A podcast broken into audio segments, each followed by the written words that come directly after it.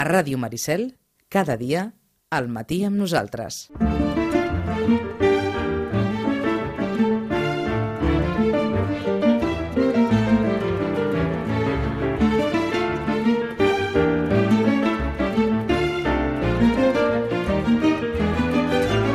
Onze i setze. I com qui no vol la cosa, ha passat gairebé un mes des de la Diada de Sant Jordi, un mes que fèiem recomanacions a dojo. Va passar Sant Jordi i després de Sant Jordi amb Rosana Lluc varen fer un petit balanç de, de tot plegat, han anat passant els dies, algunes novetats que encara estaven en cartera, les coses de Sant Jordi que no s'han arribat a pair i que varen omplir tantes prestatgeries i tantes taules d'exposició, en fi, moltes coses. I com a titular, que Ildefonso Falcones ha tret novetat literària i tothom més o menys en parla de com deu ser el llibre de l'home de la Catedral del Mar, de l'home que va, va vendre a Dojo durant el Sant Jordi de fa, de fa dos anys. Rosana Lluc, bon dia, bona hora. Hola, molt bon dia. Com és el llibre de l'home de la Catedral del Mar? Bueno, en encara no el tenim a les mans, el que sí tenim és la publicitat, perquè Sí. en principi surt ara juny, per tant no, no tenim la... Encara tenim tota la publicitat, però no ens han passat encara el que seria doncs, allò que ens passen els llibres en proves i tal, no Sí? han passat. Com es diu?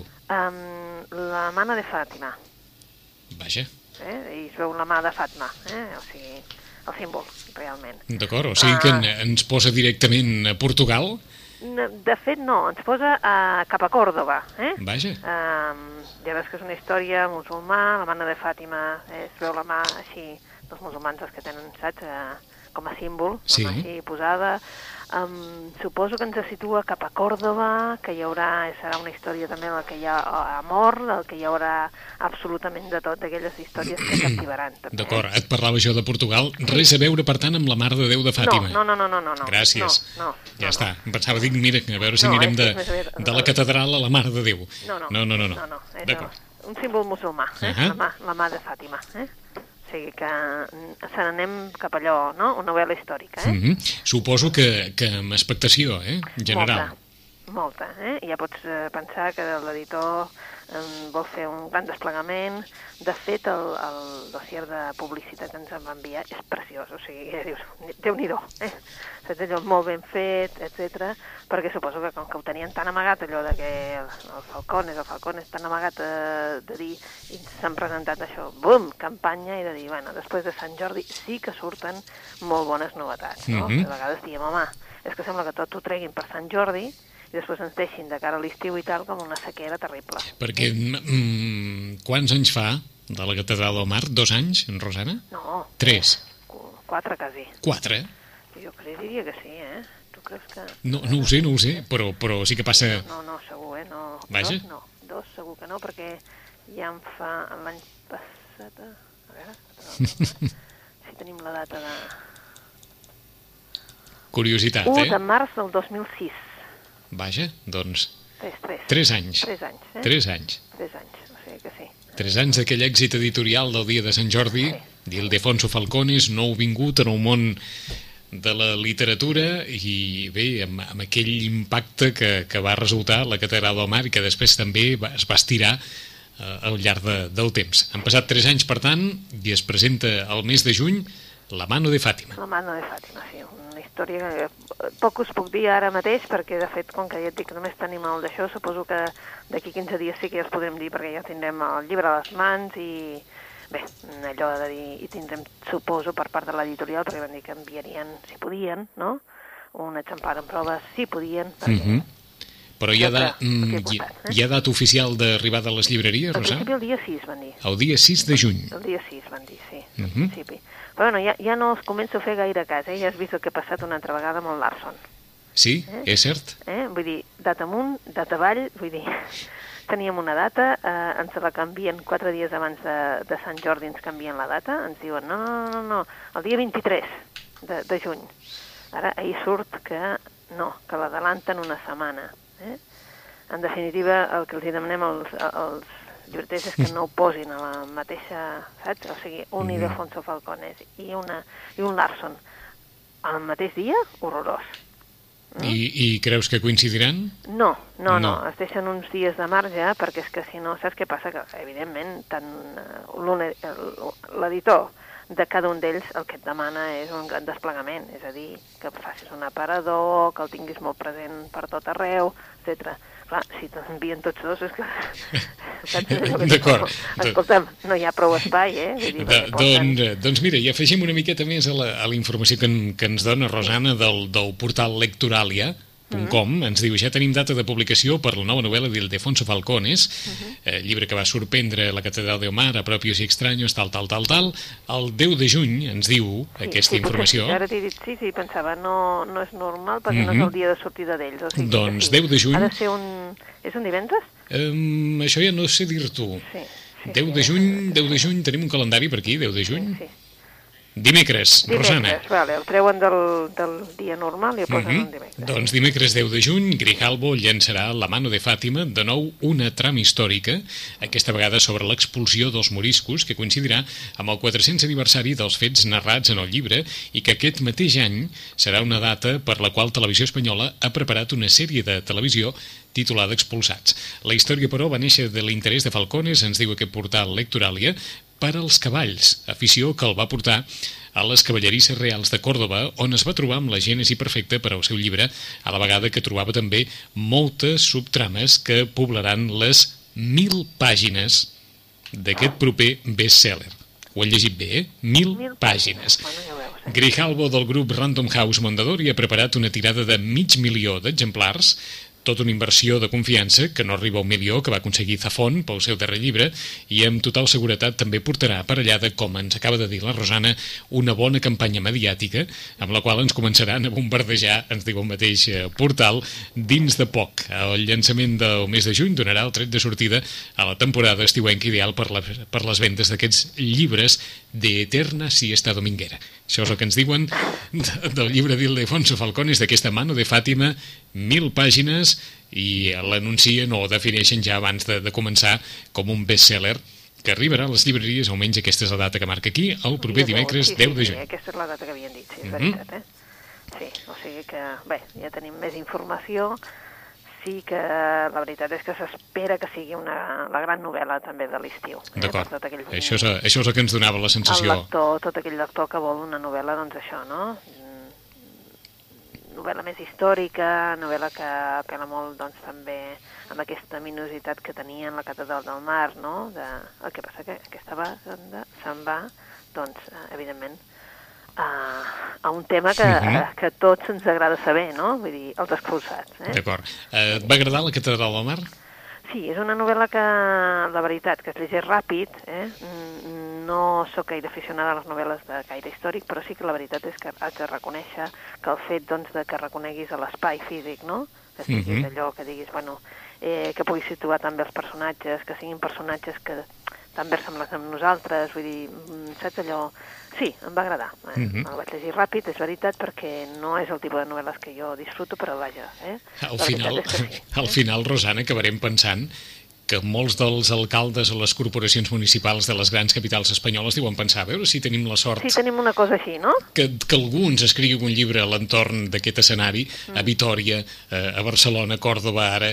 mm, Sí, sí, trobar, sí. trobar un escenari d'aquest segurament és un, és un esquer perfecte per, per a qualsevol d'aquells que vulguin dir doncs anem a descobrir una mica l'entorn que, que ens definia o en el qual se situava la, la trama de determinada novel·la. Sí, No? perquè fixa si, si el que s'ha muntat aquí a Barcelona, amb, no? la, Mhm. catedral, la ruta de, eh?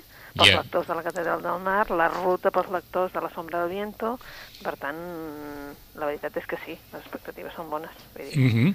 I a veure si això que tu dius, no? a veure si la gent es va situant en altres llocs, no? Però bueno, Bé, escolta'm, la veritat és que mm, enceten l'estiu aquells aimants de la lectura amb una molt bona proposta com és aquesta, eh? Sí, sí, sí. I ara anem a fer un repàs a la llista dels llibres eh, més venuts. Mm, molt poques coses han canviat, però ha aparegut un llibre en la llista dels llibres en català més venuts que tu ja ens havies en el seu dia anunciat que aquest llibre seria un llibre que agradaria. Olor de Colònia està en el segon lloc ja dels llibres més venuts de ficció en català, per davant del silenci i per davant de la noia que somiava un llumí. és que mm, no és per dir, però porta quatre edicions. Eh? per 1984, que és l'editor, que és un editor d'aquells independents, un editor petitet, Sí. però vull dir, no, no pertany a cap gran grup, etc etc. això és un èxit total, perquè, clar, eh, diem, bueno, eh, no, surt, eh, el Falcone surt amb tants eh, exemplars, sí, però clar, Olor de Colònia no hi pot sortir amb tants exemplars, Mhm. però en canvi sí que s'ha de reconèixer que un llibre que va sortir al febrer i del febrer al maig tinguem ja quatre edicions, això és un èxit, però del, del tot. Doncs, òbviament, tu haig de preguntar així, a què li atribueixes? Mira, és una autora catalana, per tant no és traducció. Mm? Això fa que també, eh, bueno, tinguem... Ja saps que per Sant Jordi també ens agrada doncs, de dir, escolta, Mm. també tenim autors a casa, diguéssim, que estan, que estan escrivint i estan escrivint bé. És un tema eh, que se'n parla poc, colònia tèxtil, eh? Um, Sí. Una història en el que doncs, molt, molta gent encara recorda el nostre passat, no? Totes aquestes colònies tèxtils que teníem a Catalunya que, que, que han anat desapareixent, no? És una història en la que hi ha amos, eh? Sí. L'amo, eh, que l'església, diguéssim, que el capellà sempre estava de costat de l'amo, o sempre li havia de, saps? L'amo li besava la mà, però ja sabíem qui manava, també, no? En la història de treballadors, uns treballadors que van dir sí amo, eh?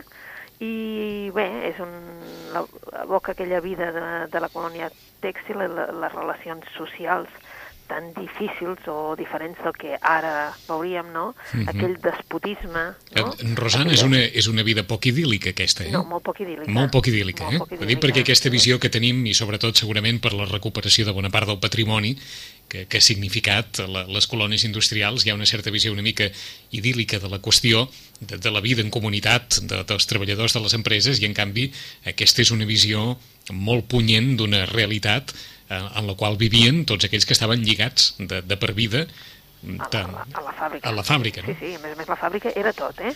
Era el lloc de treball, però també era, era el lloc on hi havia l'escola pels fills, per tant, eh, era un assegurar-se de que els fills anirien a escola, vale? Mhm. um, també estava relacionada molt l'església, per tant, tu també havies d'anar a l'església, no?, en el sentit aquest, també hi havia les botigues, hi havia les cases per viure, és a dir, la colònia ho era tot.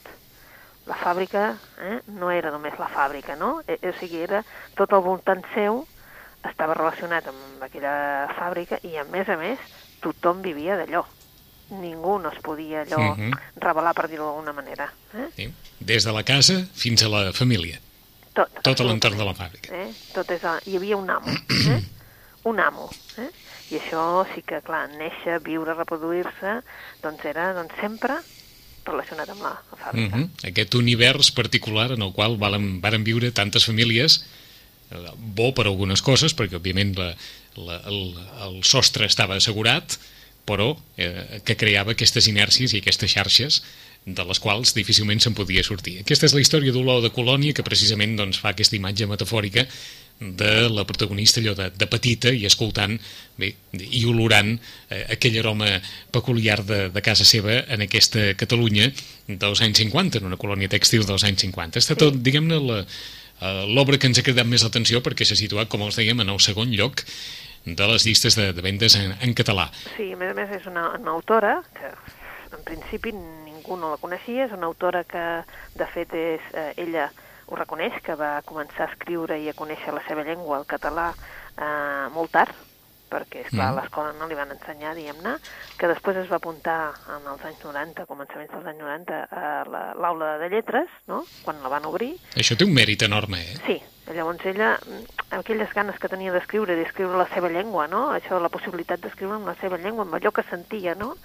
Eh, com que ella s'hi apunta ja de seguida, després se'n va cap a l'Ateneu Barcelonès i, i, i anar completant el seu aprenentatge, i la veritat és que es va apuntant doncs, a premis de contes, contes breus, i aquesta és la primera novel·la. I això és el que a tots ens fa molta il·lusió, no? Perquè dius, home, una primera novel·la i en el que recrea un món que realment el vius amb ella. Mhm. No? Vull dir, Ja, un món mm. que, evidentment, per sort li ha passat, també és, eh, també és cert, no? però que sí que recrea eh, aquella Catalunya que, que molta gent, que reconec que alguns... L'altre dia hi havia un senyor que em, que em deia, eh, molt gran, molt gran, que em deia, jo aquí, tot això, jo ho he viscut. Ho he viscut, no? D'acord. Bueno, sigui, eh? sigui una colònia textil, sigui la que sigui, eh? Exacte. D'acord. D'acord. Olor de colònia. Eh, Ens, ens crida molt l'atenció què està passant mm, mm, de feliç, eh? En, en el sentit que no deu haver edat per començar a escriure. No, eh? Sí, sí, és el que dèiem, eh? No deu haver edat, eh? L'esforrellat, en, el, en el cas de Sílvia Alcàntara, sí. i bé, novel·les de- d'èxit, de, de qualitat, com ens comenta la, la Rosana, que, que fiquen l'ull en, en la vida quotidiana, en, en, en coses que poden generar una certa em- empatia del lector i que, i que per descomptat, eh, doncs arriben a, a conjugar la qualitat i les vendes de llibres. Olor de Colònia el número 2. Havíem parlat mai, ara no ho recordo jo, d'Ohio Winsburg? No, perquè és una No. obra nova. D'acord. Nova, però, a veure, el que és nou és la- l'edició de, de Viena, eh? Sí. de, perquè el Sherwood Anderson va escriure fa masses anys ja, eh? però diguéssim que és una obra nova d'aquestes que està fent Viena, eh? que mm, la veritat que està aconseguint tenir un forader perquè són obres molt ben editades. I llavors, doncs bé, és aquell, aquell senyor que, que escriu i escriu, eh? Mhm. i escriu tot el que ell va veient, no? I tu ho viu, com que ell ho va veient, doncs ho escriu tal com, tal com ho va veient. És una... Bé, em sembla que... Jo no tinc com a més venuda, això, és- això és cert, però bueno, és, suposo que també és cert que està canviant una miqueta la llista de llibres en català, que també està bé, no? Sí. I, i és una obra que agradarà a un públic, així com la de Colònia, no? És aquell, allò que ens apela a nosaltres, perquè, bé, si no ho recordem, sí que alguns ho ha explicat, no?, de que es vivia així, que hi havia les colònies tèxtils i que com se vivia i que l'amo era tot i que, etc. aquesta relació servil però alhora també de neguit i de voler-se doncs, alliberar de tot això, uh, clar, això és diferent perquè no, no té res a veure en el nostre entorn, però Mhm. és una obra molt ben feta. I havíem parlat mai del carrer de les botigues fosques? Aquest potser no, perquè havíem parlat de l'altre, del Modiano. D'acord. Eh? És que no ho recordo, i, No, i dins no, el que ens comentaves tu d'aquest canvi general de la llista de llibres en català, Sí, no, no eh, apareix el carrer de les de- botigues fosques. No, uh, en el Cafè de la Joventut Perduda, si et recordes, Sí. era el del Patrick Modiano que jo us deia, no us el perdeu, eh? Mhm. si us agrada una mica la literatura així francesa, perquè se li nota molt que és francès, però sí que és veritat que és, eh, en definitiva, crec que va ser el país que la setmana passada li va fer un monogràfic, eh? o sigui, portava ell la portada, era el Patrick Modiano, Sí. i era una mica, doncs, ens parlava doncs, de, una mica de tots els seus llibres, eh? perquè, en definitiva, en català n'han tret aquests dos, però en castellà n'han tret tres més, és a dir, que tenien biblioteca de Patrick Modiano, i Déu-n'hi-do. com que ningú no li havia fet cas, doncs semblava que no...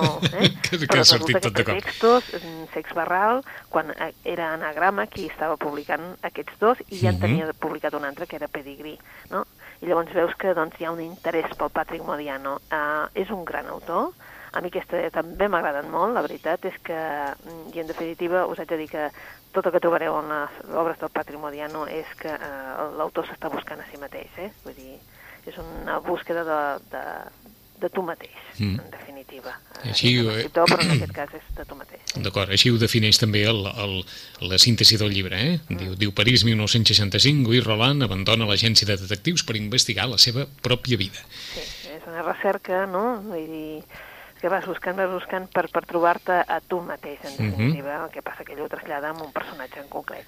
D'acord, em poso a l'altre costat de la llista perquè em sembla que no ens havíem trobat, jo diria que mai, no vull dir mai mai, però és clar, eh, eh, tres llibres en la llista del més venut d'una pròpia autora, Amanecer, Luna Nueva i Eclipse. Eclipse. 4, 5, 6 a la llista dels llibres més venuts en castellà de Stephanie Meyer estan situats un darrere l'altre d'una forma consecutiva a la llista de llibres de, de ficció en castellà, que va de, en parells i en trio, eh? Stieg Larsson en T2, el primer i el segon, i Stephanie Meyer en T3, el quart, el, cin- el, el cinc, quart, cinquè i sisè, això mateix. O sigui que la, la llista gairebé monopolitzada per, per dos autors. No sé si havíem parlat de Aquí empieza nuestra història, de Tobias Wolff. No, d'aquest No. no n'havíem parlat. També és Aquest una novetat, almenys així ho diu, novetat, eh? D'acord. Aquest és una novetat que ha sortit aquests dies. Eh, ha, ha sortit més tard en català, per tant, potser la gent se l'ha hagut de sortit res, potser uns 10 dies més tard en català. És un, Mhm. uns, mm, la veritat és que en són contes, no? Són relats eh, que tan crítica com aquells cànons, diguéssim, de, dels que ens saben de literatura, diuen que és el millor escriptor de contes o un dels millors, i en aquest volum el que reuneix doncs, és això, un, uns 20 contes no? que ell ha anat escrivint al llarg dels 30 anys, eh? Uh -huh. dels últims anys. I de fet n'ha fet d'aquells que ja estaven publicats amb uns altres, o sigui que la gent que li agafi el llibre, si ja ha llegit el Tobias Golf, s'haurà de mirar, perquè de nous nous només n'hi ha 10. Eh?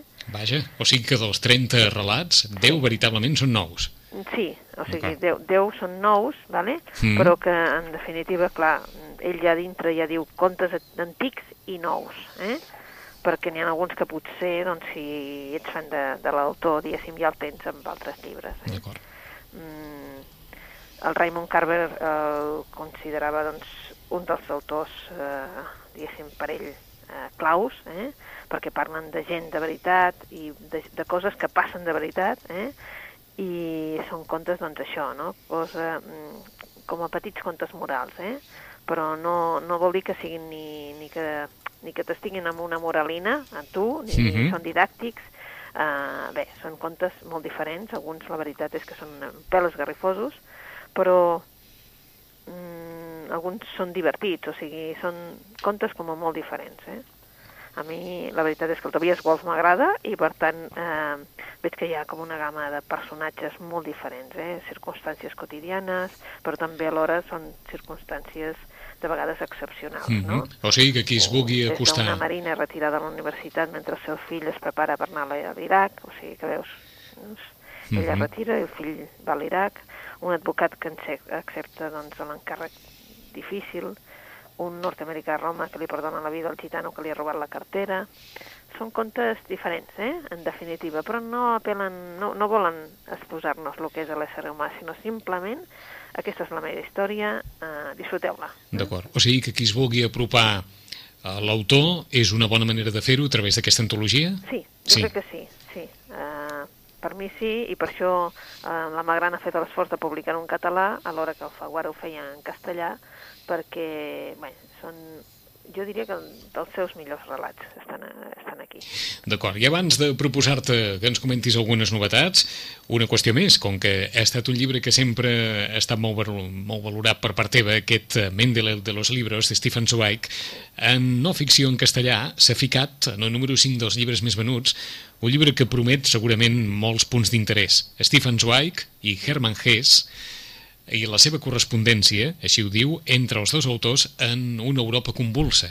Hem de suposar que aquest llibre mm, doncs, pot generar, sobretot pel, pels aimants, tant de la literatura d'un com de l'altre, molts punts d'interès.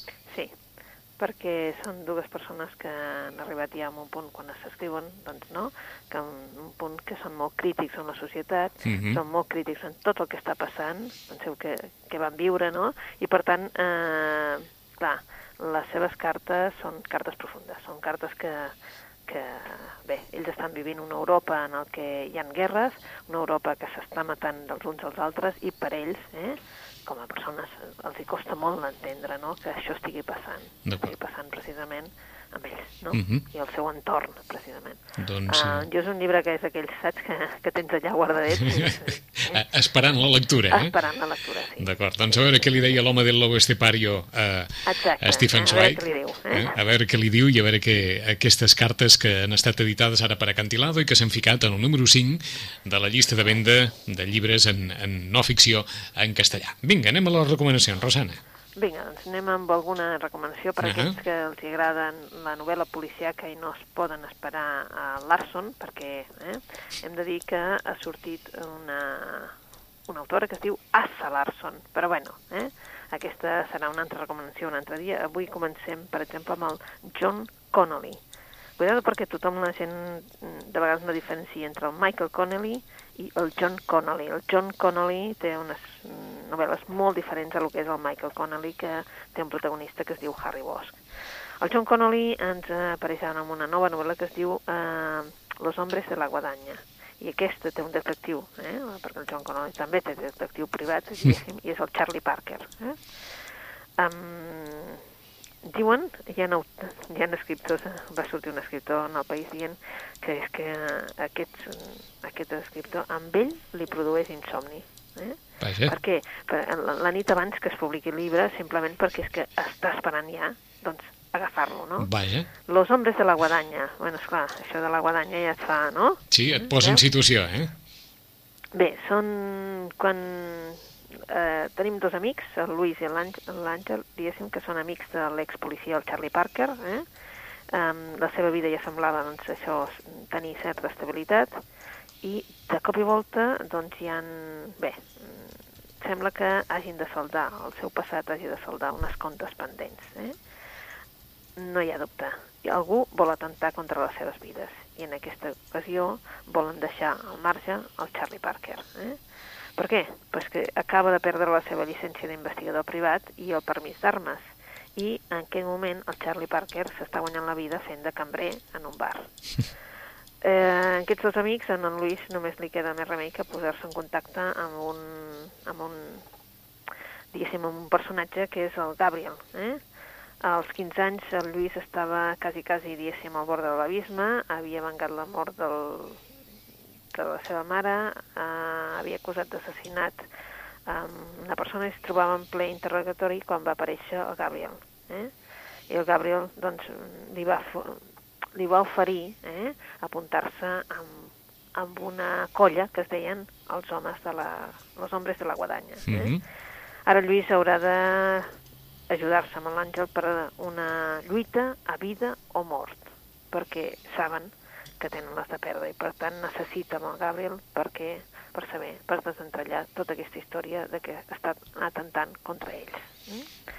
Per tant, no sabem què passa amb el Charlie Parker, jo només l'he pogut de començar, això va sortir i es va començar a vendre de seguida, no sabem què passarà mm, amb el, la història del Charlie Parker, perquè el Charlie Parker era el gran personatge doncs, de, de les obres del John Connolly, però jo estic segura que entremig eh, ell haurà d'aparèixer, malgrat que no tingui ni llicència d'armes. vols dir que encara que estigui fent de cambrer haurà d'aparèixer en un moment o altre, eh? en algun lloc, en algun lloc apareix. Eh? El vindran a buscar. El vindran. El vindran a buscar. De moment, aquesta, aquesta és la, eh, diguem-ne, la trama inicial i, sobretot, l'organització. Los hombres de la guadanya, novel·la de John Connolly, amb el detectiu retirat, hem de suposar que momentàniament. Per on seguim, Rosana? Seguim per una autora que segurament els, els oients la, la reconeixeran. És una autora que va fent passes i que la veritat és que té un públic, un lector, que la segueix. Eh? Estem parlant de l'Àngela Becerra. L'Àngela Becerra eh, ha guanyat el Premi Iberoamericà de Narrativa, que és el Planeta Casa Amèrica del 2009. Eh? I es diu Ella que todo lo tuvo. Eh? Ella que todo lo tuvo és una novel·la, evidentment, doncs, que parla d'una dona. Eh? I quan eh, la- l'autora ens explica que, bé, que ell estava allà a Florència, estava prenent-se un martini i de cop i volta s'obre la porta i apareix una persona enigmàtica, no? Bé, mm, és un... a partir d'aquest moment es crea un personatge. Um, té un accident, la personatge aquí ens diu que té un accident i ella no torna a escriure. Ella és el personatge, eh? Uh -huh. derrotada, una mica doncs, eh, perduda, és, no sap què fer, però se'n va cap a Florència en busca d'aquesta fascinant història que li va explicar el seu pare i que ella vol convertir en novel·la. Eh? Mm, en aquest afany per sentir-se viva eh, crea un enigmàtic i silenciós personatge que és la dona di làcrima que està en un àtic de la via Javelínia i aquest, aquesta dona, la dona di làcrima, rep homes no? en aquest àtic i que li expliquen la seva vida i en definitiva la venen doncs això, a adorar, a dir-li que, que, que estan amb ella. Uh -huh. Ningú reconeixerà eh, en aquesta, en la solitària i trista escriptora que restaura llibres i que cada tarda visita la llibreria del Mercat Nou, on hi ha també un altre personatge molt solitari, que és el llibreter, i tan misteriós com ella, que l'està esperant doncs, perquè, eh, com a mínim, tindrà quatre paraules. No? És una història d'aquelles, mm, jo diria, de, de sentiments, una història plena de sensualitat, de simbolismes, en definitiva, una mica com la Gela Becerra ja ens té acostumats, eh? Doncs es diu molt dels sentiments, s'apela molt amb els sentiments de dona, no? amb aquesta sensualitat que, que, que desprenen els personatges, eh? i en definitiva ens torna a parlar de la solitud, de la fragilitat de l'ésser humà, no? i d'aquesta lluita per arribar a trobar la felicitat, uh -huh. i Mhm. sobretot per trobar-li un sentit en aquesta vida. Eh, Això dona la sensació de novel·la més de tardor que no d'estiu, però bé. Sí, Eh? sí. El que passa que doncs, eh, ha guanyat el premi és també una gran aposta, jo crec que els de Planeta saben que tenen un públic que, que els deixa agradar, han fet una gran aposta, un gran desplegament també, Mhm. ella que lo, todo lo tuvo, de fet el títol és bonic, ella Molt maco. que todo Mm. lo tuvo, Mhm. eh? doncs eh, i de surt eh, una llàgrima, eh? o sigui, en el, el que es veu és doncs, un ull i una llàgrima que surt. Però vols dir que aquesta és una lectura reflexiva, eh? Sobretot. Sí, és una lectura més de, jo diria més de, saps, d'aquestes, més de posar-t'hi Sí. i de deixar-te embolcallar per tot el que porta la novel·la. D'acord. Doncs tenim temps per una més, Rosana. Per una més, eh? Doncs bé, eh, anem-se'n amb una altra també d'intriga, perquè ara sí que comencen a sortir, n'han sortit bastantes, eh? D'intriga i d'això, perquè ve, l'estiu, i la gent vol lectura fresca Mhm. i tal. I clar, en aquest escenari ens faltava un autor que ens té acostumats ja a, a sempre a un escenari en el que hi ha o bé laboratoris o bé, diguéssim, hospitals, alguna cosa hi ha d'haver així. Eh? Robin Cook. Eh? Mm. Robin Cook ens presenta Encara, la obra. encara escriu? Sí, sí, sí, sí, sí, sí, sí. Eh, bueno, li tornen a publicar la novel·la nova, eh? D'acord, però quan... Que Però, el, però em sembla que deu... del thriller Metge, Sí, jo crec que ha sigut ell, no? Però, però deu tenir uns quants anys Robin Cook ja, eh? Sí, sí, jo, uns quants, perquè Uns ja quants, fa... eh? Jo crec que deu fer més de 25 anys que publica aquest senyor. Per, per això dic que en deu Eh? tenir uns quants, eh, ja. Sí, Bé, sí, de, sí. de Robin Cook. De Robin altre. Cook tenim eh, Cuerpo Extraño, eh? Bueno, i ara que parlem tant de grips i de coses i tal, pues, bueno, ens surt el Robin Cook, que ja estava preparat, eh? que no, estava no té res a veure amb l'esperit, però... Eh? D'acord, Tenim- absteniu-vos els hipocondríacs, doncs, eh? Exacte. Entesos. Eh, tenim un personatge, uh, la Jennifer Hernández, que ella no sabia res de que la seva àvia hagués viatjat a, a l'estranger per sotmetre's a una operació, fins que va veure el presentador de les notícies de la televisió que, de fet, anunciava la seva mort en una clínica de Nova Delhi. Eh? Clar, mm, ella volia estalviar diners i saltar-se aquesta llista d'espera i l'àvia, doncs, doncs això, havia decidit operar-se en un centre prestigiós. Però, clar, a Nova Delhi. Des d'aquell centre l'informen per telèfon a la Jennifer de que la intervenció no va tenir cap problema, però que poc després de la intervenció va, va morir d'un atac de cor. Eh? Mhm. I clar, cosa molt estranya perquè ella tenia el cor, si, és, si algú tenia bé era el cor, diguéssim, no? El Jennifer, la Jennifer el que faràs doncs, és viatjar cap a la Índia per investigar-se els detalls, um, hi ha molts interrogants i ella descobreix que el cas de la seva àvia no és únic. Hi ha bastants més pacients que han mort en circumstàncies molt semblants. A partir d'aquest moment, doncs ja ens comencem Mhm. eh, a moure A moure en aquesta... a moure i sempre, evidentment, per hospitals, eh? laboratoris, etc etc. D'acord. Aquesta és la trama de Cuerpo Extraño de Robin Cook, la darrera recomanació de la Rosana d'avui, llibre per passar una bona estona. Hem començat amb John Connolly i Los hombres de la guadanya, a partir de les històries també del detectiu retirat Charlie Parker, i veure com pot ajudar a uns amics que es fiquen dins aquesta, aquesta trama de els homes de, la, de Los hombres de la guadanya, eh, d'Àngela Becerra, per qui vulgui una lectura molt reflexiva, ella que todo lo tuvo, Premi Planeta de Literatura Iberoamericana. En 15 dies tornem i a veure si tenim també més novetats sobre aquests dos llibres que s'esperen tant, de, en aquest cas el de Stieg Larsson i també el de Ildefonso Falcones. Fins aquí 15 dies, Rosana. Fins aquí 15 dies. Adéu-siau, bon dia. Adéu.